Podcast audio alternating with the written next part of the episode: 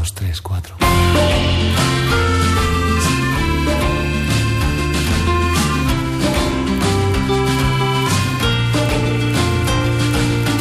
Para Male, el título hace referencia a eso, ¿no? A- en este caso, concretamente a lo que significó la música para mí, que sí que fue una de esas luces que entraron por esas grietas, ¿no? O sea, yo creo que la música siempre fue para mí un- una salvación, ¿no? En ese sentido. Y me enseñó muchas cosas, porque es verdad que, bueno, que uno aprende, ¿no? A través de, libros que lee, de, de los poemas, de las películas y en mi caso yo aprendí mucho a través de las letras de, de muchos músicos y que me, que me transmitieron su sabiduría, su, su conocimiento de la vida y, y yo creo que, que lo supe aplicar a la mía para, para vivir un poco mejor, que al fin y al cabo se trata de eso, ¿no? de, de vivir mejor. Todo al final es, es muy corto. Pero nunca podrás hundir este barco. Ya no podrás causar más dolor. Que siempre entrará luz. Siempre entrará luz entre alguna de estas grietas. Cuando cante mi canción. Narana, narana. La veu que sentíeu parlar i la que sentiu cantar és la del músic gallec eh, Joel López. Uh, us ho dèiem abans, ens ha encantat el seu disc Paramales, la seva segona aventura en solitari. Estic fent unes cometes poc radiofòniques amb mm. les mans, uh, perquè no és realment així. Ell ja havia publicat discos com a Deluxe, però de fet era el seu projecte unipersonal. Ara entrarem en tot aquest univers de Joel López, però sí que és el segon que signa amb nom i cognom uh, aquest Paramales que presenta al Festival Vida aquest divendres a Vilanova i la Geltrú. Ell, en Joel, publicava discos durant els anys 2000 sota el nom Deluxe, com ara deia l'Albert, tot i que va decidir fa uns anys que els seus canvis vitals, i també, òbviament, musicals, es mereixien un canvi de nom, un canvi de nom de projecte, un tornar a començar, i ara, des que publica amb el seu nom real, Joel López, la seva sonoritat ha evolucionat cap a estils molt més propers al folklore que no pas al rock independent, que és el que feia fa uns anys. El que mai canvia, per això, en uh, Joel López és la seva lírica positiva, que busca solucions davant les vicissituds de la vida. Ell, mm, a les lletres, com a mínim, no, no es mostra com un músic torturat, eh, com sí que uh, ho són moltes bandes de l'indi nacional. Des de Deluxe, que ell es mira mm, des d'un altre prisma, el del creixement personal, la recerca de la bondat, la llum interior, tots aquests conceptes que a vegades poden sonar una mica hippies, es mira la vida des d'aquest prisma. Uns temes que potser, potser, no acaben d'encaixar en tot el que és l'indi estatal. Realmente yo creo que, es verdad que en el rock and roll o en, algunos movimientos musicales así más alternativos, independientes, cualquier cosa que tiene que ver con los sentimientos más populares, ¿no? De, que nos pasan a todos realmente, o, incluso que tienen que ver con la reconstrucción, con la búsqueda de la luz y tal, están peor vistos. Está mejor visto todo lo oscuro, lo, lo retorcido, lo que no tiene solución. Sin embargo, es verdad que, yo mi música siempre, bueno, pues a lo mejor para algunos hasta, hasta puedo pecar de, de cursi, pero es algo que no me avergüenza, la verdad. Es más, es algo con lo que yo me identifico, esa, esa búsqueda de lo bueno, de lo bello. Creo que es verdad que engancha mejor mi música con el concepto que se tiene un poco de la canción popular, ¿no? De lo que es la música, incluso te diría los folclores y demás. Me identifico más con ese gran porcentaje de gente, curiosamente, que con esa minoría que a veces puede incluso llegar a ser hasta elitista, ¿no? Culturalmente. Partimos temprano un mundo desconocido. Te volviste a dormir, yo acariciaba tu pelo. Despertamos confusos más allá del silencio, en un sueño de óxido y faros perdidos, como lobos Doncs uh, això, mm, l'educació emocional, una mica la reconstrucció personal, molts apunten a la falta de, de segurament de, de consciència emocional com un dels mals endèmics de, de la nostra generació, de les últimes generacions, com a mínim, la dels 90, la dels 2000, uh, allò de no cercar la reconstrucció personal i al final segurament té relació a acabar-se acomodant en l'individualisme. es perfecto también para el sistema que hemos vivido hasta, hasta ahora. O sea, es decir, una generación eh, oscura que no busca, digamos, reconstruirse ni mucho menos, sino regocijarse en, en esa cosa de, bueno, nosotros somos los bichos raros y la oscuridad y, y, digamos, realmente no, no, ofrece ninguna alternativa, ¿no? Yo creo que, de hecho, es, es una herencia que se diría del, de Estados Unidos, ¿eh? porque yo creo que en España eso realmente, si te fijas, si miras a la historia, no se estilaba mucho esa, ese, pensamiento, ¿no? Pero es una cosa que yo creo que nace sobre todo en los años 90 o así, con todo el, el grunge y, y, toda esa mentalidad de una generación que llamaron perdida, ¿no? Y que como que estaba demasiado acomodada y que supuestamente, ¿eh? digo, hago un repaso y, y, creo que tiene más que ver con eso. Y bueno, pues no sé, a mí no me parece, no, no, no me quiero identificar con esa generación que supuestamente me tocó vivir. El mismo decorado, pero con un guion totalmente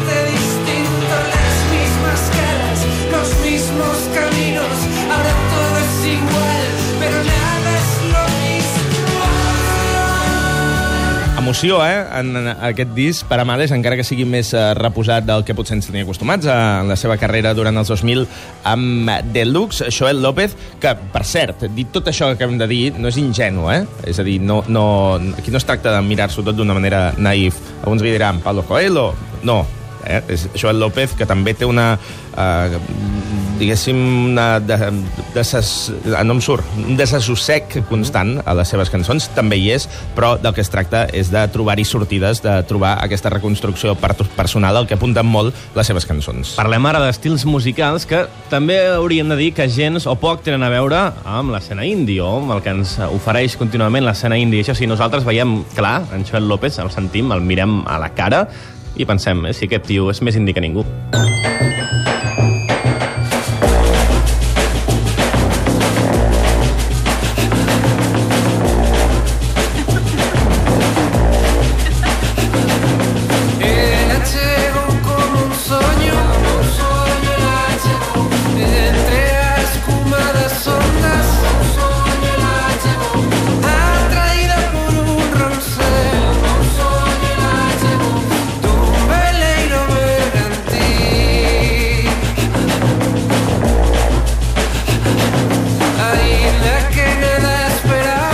Veus? Si és indi, sonoritats gallegues, però amb sintetitzadors, i també les uh, llatinoamericanes, que ell ha anat cercant pel món. en De fet, viatges. us vam explicar una mica la història quan es va publicar aquest disc. En Joel de Corunya va mudar-se fa uns anys a Amèrica Llatina, on hi ha residit bastant de temps. El seu primer disc com a Joel López, titulat Atlántico, va sorprendre a molts amb la incorporació de sonoritats del folklore llatinoamericà que poc o gens tenien a veure amb el que ells havia fet abans amb el seu projecte Deluxe. I ara, instal·lat de nou a la península, tot el que anar recollint segueix formant part del seu univers, tot i que, en aquest cas, en aquest nou disc, les guitarres elèctriques i els sintetitzadors es barregen amb el folk d'allà i també, tal i com sentiu, el d'aquí, el de la seva Galícia natal. Aquesta cançó sembla com una mena d'homenatge no? a, a la seva terra, ara, precisament, que ha tornat a posar-hi els peus i s'hi ha tornat a establir. Uh, el que més ens agrada de Joel López és que uh, totes aquestes sonoritats del folk uh, no les introdueix com en calçador, no, no és gens presumptuós, i això a nosaltres uh, ho notem d'una hora lluny i més ens fa molt contents, ens n'alegrem moltíssim. Yo siento que todas las influencias, pues ya sean de, de mis viajes o de la música que escucho, nunca pienso, bueno, bu- me gusta esto, voy a meterlo. ¿no? Es como que si acaso lo meto en una especie de crisol, como un lugar, en este caso un caldo gallego, donde se junta todo y ahí dejo un poco que, que se guise a fuego lento y que vaya incorporando también a, a- a mi base musical, porque es verdad que a veces puedes construir la casa por el tejado ¿no? y decir, bueno, pues voy a hacer un bolero, voy a hacer no sé qué. Entonces, esa premisa yo creo que trabajar desde ahí es raro. Yo, yo de hecho nunca lo, nunca lo hice. Sin embargo, cuando tú simplemente viajas por el mundo, tocas con gente diferente, como fue mi caso, tuve esa suerte. Yo creo que es más bonito que se vaya notando o no según vaya surgiendo, ¿no? Pero no, cuando, cuando quieres forzar algo o hacerlo, digamos, desde el laboratorio, de una forma más intelectualizada, normalmente es cuando puede quedar un poco que te chirría, ¿no? Yo siento que, en mi caso pues ha ido así poquito a poco y que, como tú decías, se incorpora, digamos, a lo que ya hay, ¿no? No es una cosa que de repente cambia y ahora es eh, radicalmente distinto. Que la vida te dé todo lo que merezcas.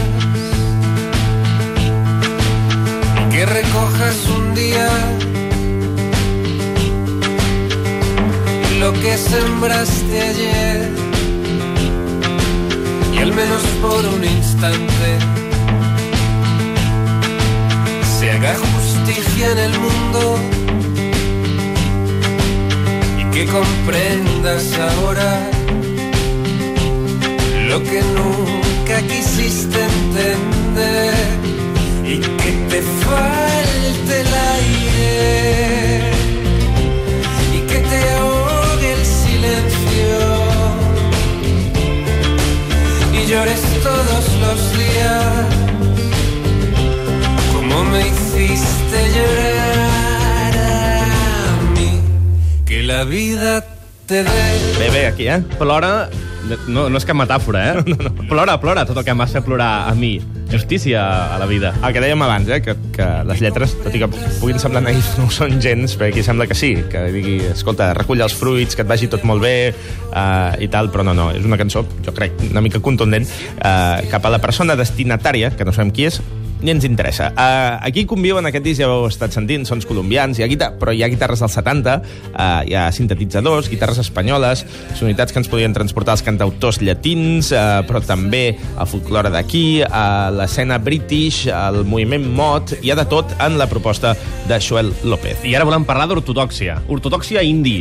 Jo escolto indi. Que també hi és, això, eh? Doncs uh, volem saber què en pensen els seguidors de Deluxe, els seguidors d'abans de Joel López, de tot això, si bé cert que Deluxe tampoc era una banda escrita a l'indi norantè espanyol pel que fa al so i a la seva actitud. Es que es complejo. Es verdad que, que yo nunca me sentí muy cómodo en ninguna escena musical concreta. Yo empecé con como perteneciendo de alguna manera a, a, la movida mod, luego me metieron un poco más en el indie, que eso fue algo que, que, sí que se me escapó un poco ya de las manos porque no, no fue, yo no lo sentía tan así, pero, pero es verdad que bueno, para, para mucha gente más ortodoxa, pues a lo mejor mi música no, no pertenecería ¿no? A, a, ese sonido, a ese movimiento, ya sea indie o ¿no? O sea, realmente es verdad que yo siempre, siempre fui bastante, pues labrándome mi propio camino y haciendo un poco lo que me pedía el cuerpo, que yo creo que esa es realmente la verdadera independencia, ¿eh? o sea, el, el hacer, el sentirse libre cada uno para hacer lo que cada uno quiere quiere, ¿no? sin tener la sensación de que estás pasándote de un límite o, rompiendo ciertas reglas, que yo creo que no debe haber más reglas cada uno se, se autoimponga, ¿no? O sea, si, si, es que te las quieres autoimponer. Yo, de hecho, mi regla es no tener ninguna regla. Pero vaya, que sí, no me siento parte de... No, no sería un, un buen militante de, de cualquier movimiento musical, desde luego.